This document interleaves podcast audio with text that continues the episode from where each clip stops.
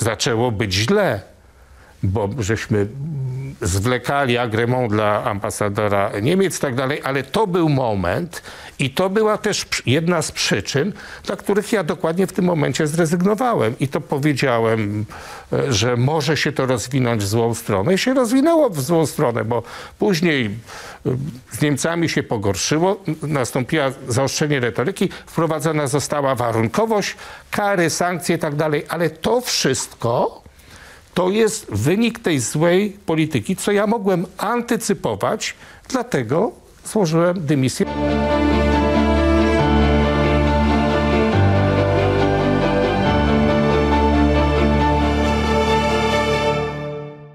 te słowa Donalda Trumpa powinny zadziałać jak zimny prysznic na tych wszystkich, którzy ciągle lekceważą y, te y, coraz bardziej realne zagrożenie, z jakim się Europa zmaga. Musimy stanąć na własnych nogach, y, licząc oczywiście cały czas na pełną współpracę ze Stanami Zjednoczonymi, ale Europa musi więcej włożyć w swoje bezpieczeństwo. Zgadzam się ze wszystkim, co powiedział tutaj mój przyjaciel i chciałbym uzupełnić jego wypowiedź. E, To jest bardzo ważne e, też dla mediów krajowych w Niemczech. Niemcy w tym roku 2% PKB przeznaczy e, według kryteriów NATO na obronność i będzie to czynić na zawsze. Ja już to powiedziałem i decyzje, które zostały podjęte po moim wystąpieniu w Bundestagu w kontekście Zeitenwende. E, 190 miliardów euro zostały e, wyasygnowane. 80% tej sumy e, już e, dotyczy e, zamówień i stworzyliśmy e, ku temu podstawy, jeśli chodzi o budżet obronności. I osiągniemy ten cel teraz ten, tych 2% i po zakończeniu e, funduszu specjalnego będziemy dalej e, te, wyasygnować te e, sumy. Teraz już planujemy na czas lat 30., mając na uwadze fakt, że te sumy, te duże sumy zostaną e, mobilizowane. Niemcy na pewno nie będą miały największych wydatków na obronność, ale jest to znaczący wzrost w stosunku do tego, co inwestowaliśmy w obronność w przeszłości. Państwa i moim gościem jest profesor Jacek Czaputowicz, były minister spraw zagranicznych y, w latach 2018-2020, a zarazem specjalista od stosunków międzynarodowych. Witam panie profesorze. Dobry, dzień dobry. Chciałem zacząć od pytania oczywiście o tą słynną wypowiedź Donalda Trumpa, która no, odbiła się szerokim echem w Europie, co trudno się dziwić. Jak pan profesor to odebrał, co mówi Trump? Czy to jest, jak mówią w jedni, zwłaszcza w okolicach PiSu, taka retoryka wyborcza, no i takie przyganianie Europy, żeby się no, zaczęła zbroić? Czy też, no, jak mówią inni, bardziej krytycznie, to jest właśnie początek odwrotu wycofywania się Stanów Zjednoczonych z Europy, jeśli oczywiście Trump wygra? No ja myślę, że to jest jednak e, element kampanii wyborczej. Pamiętam szczyt NATO 5 lat temu już w Brukseli, gdzie Donald Trump już mówił na ten temat, że państwa muszą e, te 2%, skoro się zobowiązały, wydawać na obronę, żeby bronić się i bronić Europę. I to 5 lat minęło i jest wiele, wiele państw w Europie, które e, jakby nie poczuwają się do tego, mimo że mamy wojnę od dwóch lat e, e, na Ukrainie i e, to jest takie przypomnienie tego, więc ja to traktuję jako właśnie takie e, przywołanie Europy do wzięcia odpowiedzialności, bo z perspektywy Stanów Zjednoczonych te państwa są tak zwanymi free riders, czyli pasażerami na gapę, czyli rozwijają się, nie inwestują w zbrojenia, a korzystają z parasola bezpieczeństwa Stanów Zjednoczonych, które ponoszą tego koszty. Najwa- najważniejszym takim pasażerem na gapę przez całe dekady były Niemcy, no ale tu słyszeliśmy przed chwilą wypowiedź kanclerza Olafa Scholza na konferencji z Donaldem Tuskiem, gdzie zapewnił, że Niemcy już w tym roku wydadzą 2% PKB e, na obronność i będą to czynić w latach kolejnych. Więc można powiedzieć, że ten najistotniejszy gracz w Unii Europejskiej się dostosował do tego. Ale czy zdaniem pana profesora to oznacza, że, że ten problem zniknie, e, skoro Niemcy no, y, się już y, zobowiązali i to realizują, czy tak naprawdę tym jest jakieś oszustwo i ta sprawa będzie wracała? No Niemcy to jest jed- jedno z państw, bardzo ważne oczywiście, no i też w pewnym sensie ta wypowiedź jest może i reakcją na e, sygnały ze strony republikanów i e, tendencje wyborcze są duże szanse, że Donald Trump wygra, więc e, dobrze, że tak jest. Czyli z naszej perspektywy to dobrze, że państwa Unii Europejskiej są poganiane do tego, ale jest wiele państw na zachód od Niemiec, Francja to jeszcze jest niedaleko tych 2%, ale niektóre państwa dużo mniej wydają,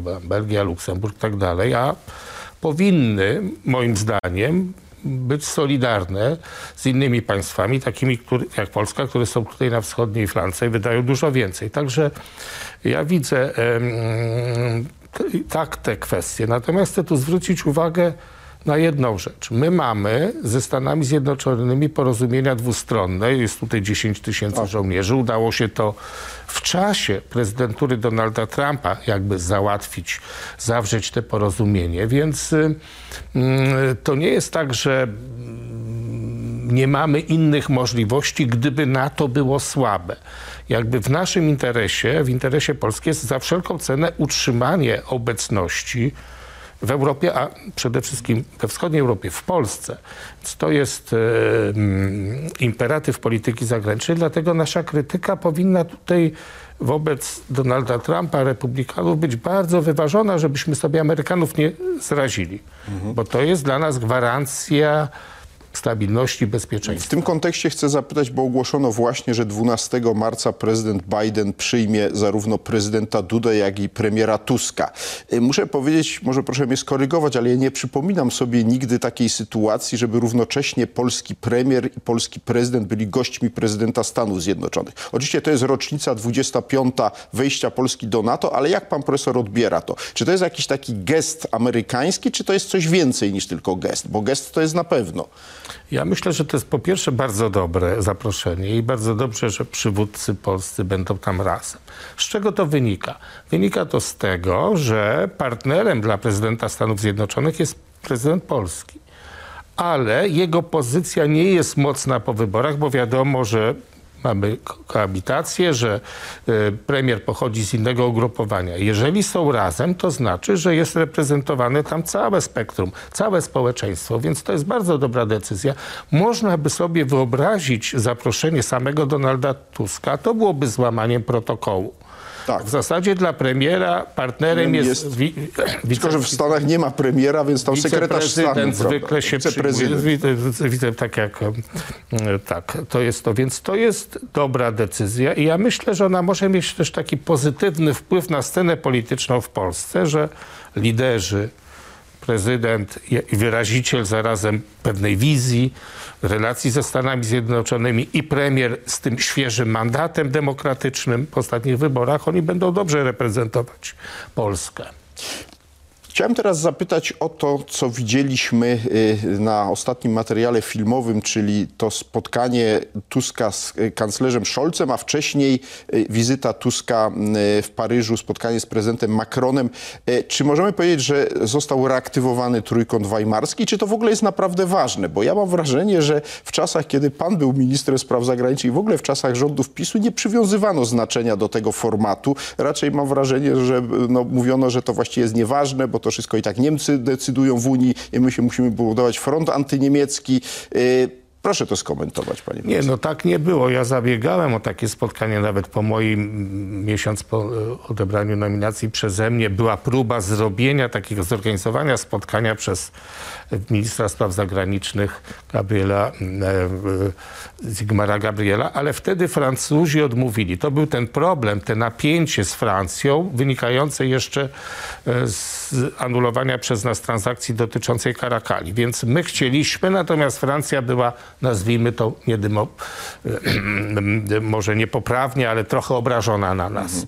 Ale później te spotkania były. Ja pamiętam też wizytę mm, prezydenta Macrona jeszcze za moich czasów w Warszawie. Ta sytuacja się poprawiła i był trójkąt y, w formacie ministrów spraw zagranicznych weimarski z udziałem już mojego następcy kilka miesięcy później mm, pana Zbigniewa Rała. Także nie to, że nie chcieliśmy, ale może to nie było y, takie łatwe do zorganizowania ze względu właśnie na Francję.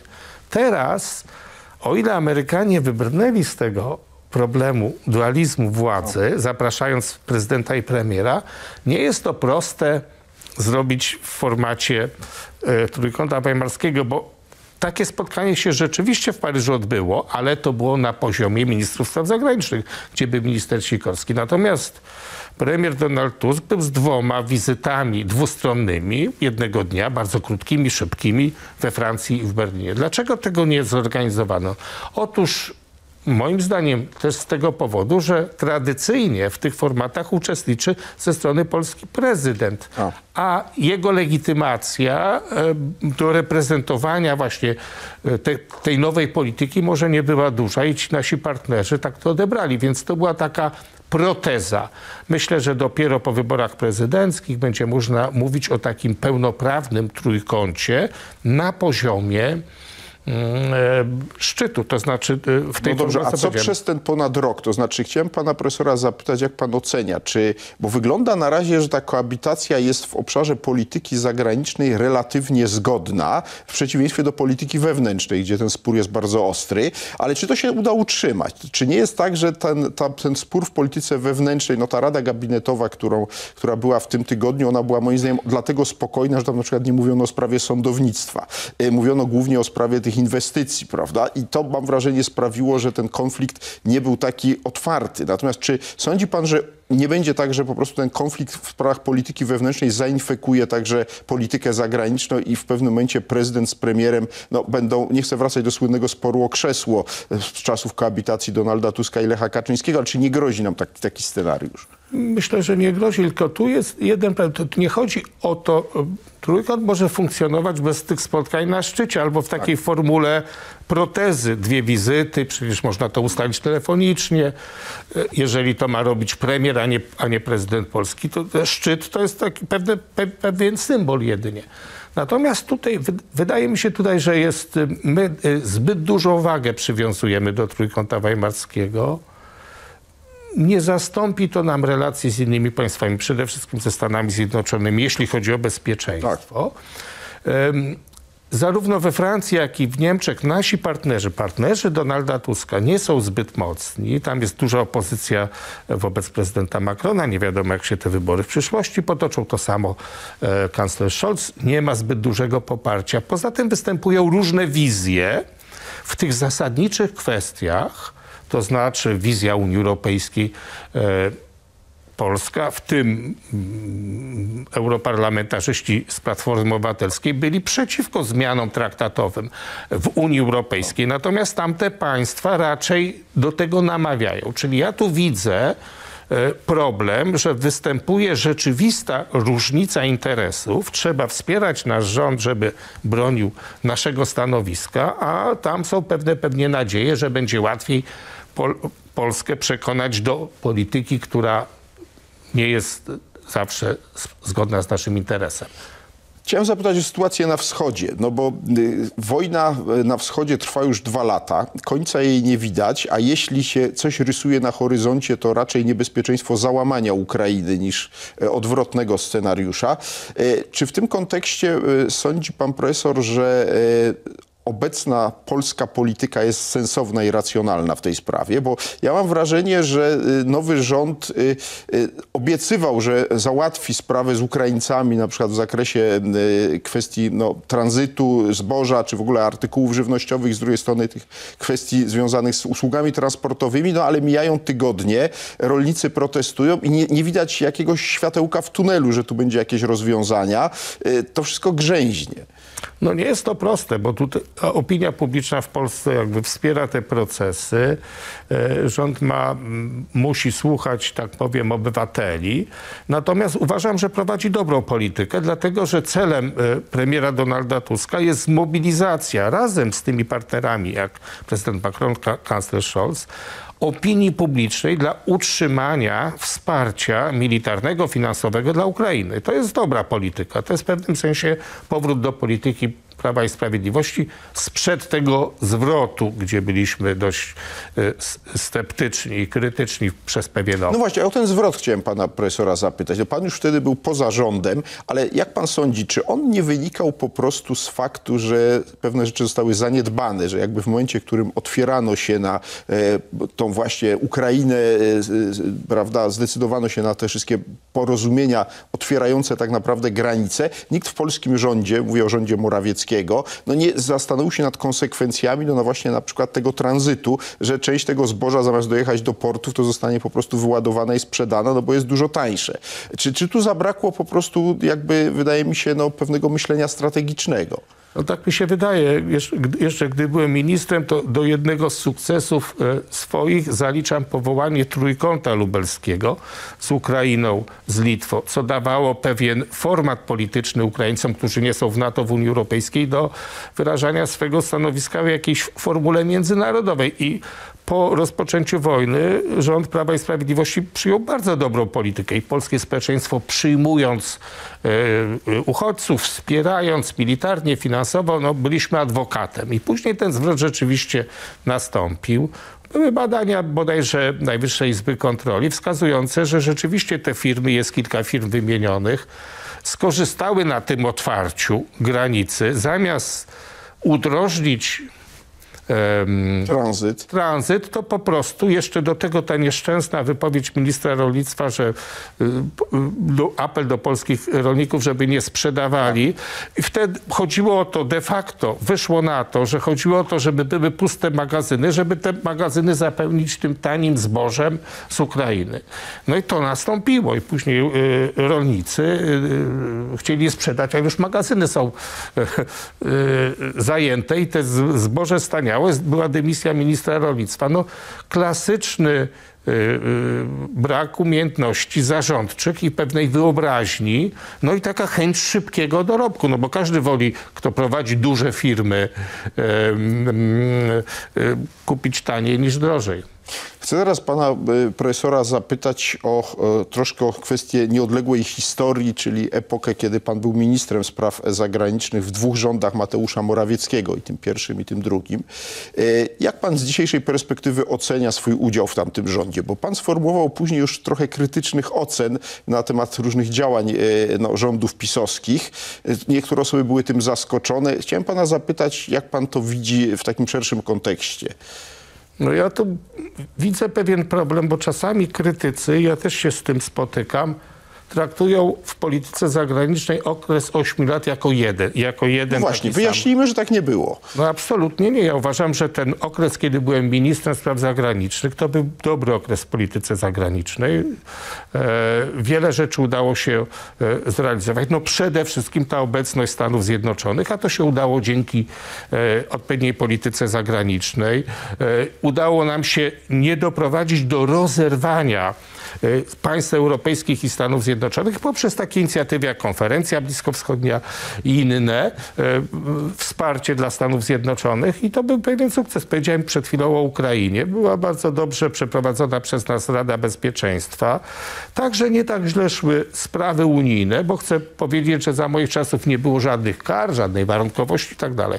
I w pewnym No, ale momencie... ten konflikt się nasilał w tym okresie, kiedy pan był ministrem spraw zagranicznych. Jednak konflikt z Unią się nasilał. Ja jednak pamiętam bardzo ostre wypowiedzi prezesa Kaczyńskiego na temat Niemiec i zagrożenia niemieckiego. Jednak, jednak mam wrażenie, że tutaj jakiegoś ocieplenia w relacjach z Berlinem nie było. Nie wiem, e, e, panie redaktorze, m, panie profesorze, ja nie jestem przekonany, czy tu bym się zgodził. Pewnie pan myśli o innym okresie. Dlatego, że pamiętam jedną z ostatnich wizyt jako minister, przyjęłem ministra spraw zagranicznych Niemiec Heiko Maasa i na wspólnej konferencji prasowej żeśmy ogłosili współpracę, bo właśnie wtedy, to był czerwiec 20, 2020 roku, Niemcy przejmowały przewodnictwo w Unii Europejskiej chciały poprawić z nami stosunki. Nawet ogłosiliśmy taką inicjatywę bardzo ważną, do której niestety nie doszło, budowy pomnika ofiar polskich na placu 1 września w Niemczech. To wszystko było załatwione i później chcę się zgodzić z panem. Zaczęło być źle, bo żeśmy zwlekali agremont dla ambasadora Niemiec i tak dalej, ale to był moment i to była też jedna z przyczyn, dla których ja dokładnie w tym momencie zrezygnowałem. I to powiedziałem, e, że może się to rozwinąć w złą stronę. I się rozwinęło w złą stronę, bo później e, z Niemcami się pogorszyło, nastąpiło zaostrzenie retoryki, wprowadzona została warunkowość, kary, sankcje i tak dalej, ale to wszystko to jest wynik tej złej polityki, co ja mogłem antycypować, dlatego złożyłem dymisję, co zresztą wtedy powiedziałem w wywiadzie dla Rzeczpospolitej, nie teraz, tylko wtedy, y, co trzeba robić i dlaczego to może być źle. Czy ja rozumiem, że efektem tego e, pogorszenia w relacjach polsko-niemieckich jest to, że ten pomnik ofiar właśnie Polaków, y, którzy zostali zamordowani w czasie II wojny światowej przez Niemców, który miał stanąć w Berlinie, do dziś nie stanął. Natomiast chciałem zapytać pana o wypowiedź Donalda Tuska na tej konferencji z Scholzem, której tu akurat naszym widzom nie, nie, nie pokazywaliśmy, ale która e, też mnie bardzo zainteresowała, ją streszczę. Otóż Donald Tusk dostał pytanie, a co jego rząd ma do powiedzenia w sprawie żądań poprzedniego rządu, czyli rządu Mateusza Morawieckiego, e, w sprawie odszkodowań u nas nazywanych reparacjami. Wtedy Tusk powiedział coś takiego, że sprawa reparacji jest zamknięta, natomiast e, równocześnie uważa, że w sprawie zadośćuczynienia e, Polsce ze strony Niemiec za zbrodnie II wojny światowej Niemcy mają coś do zrobienia, powiedział wyraźnie Tusk.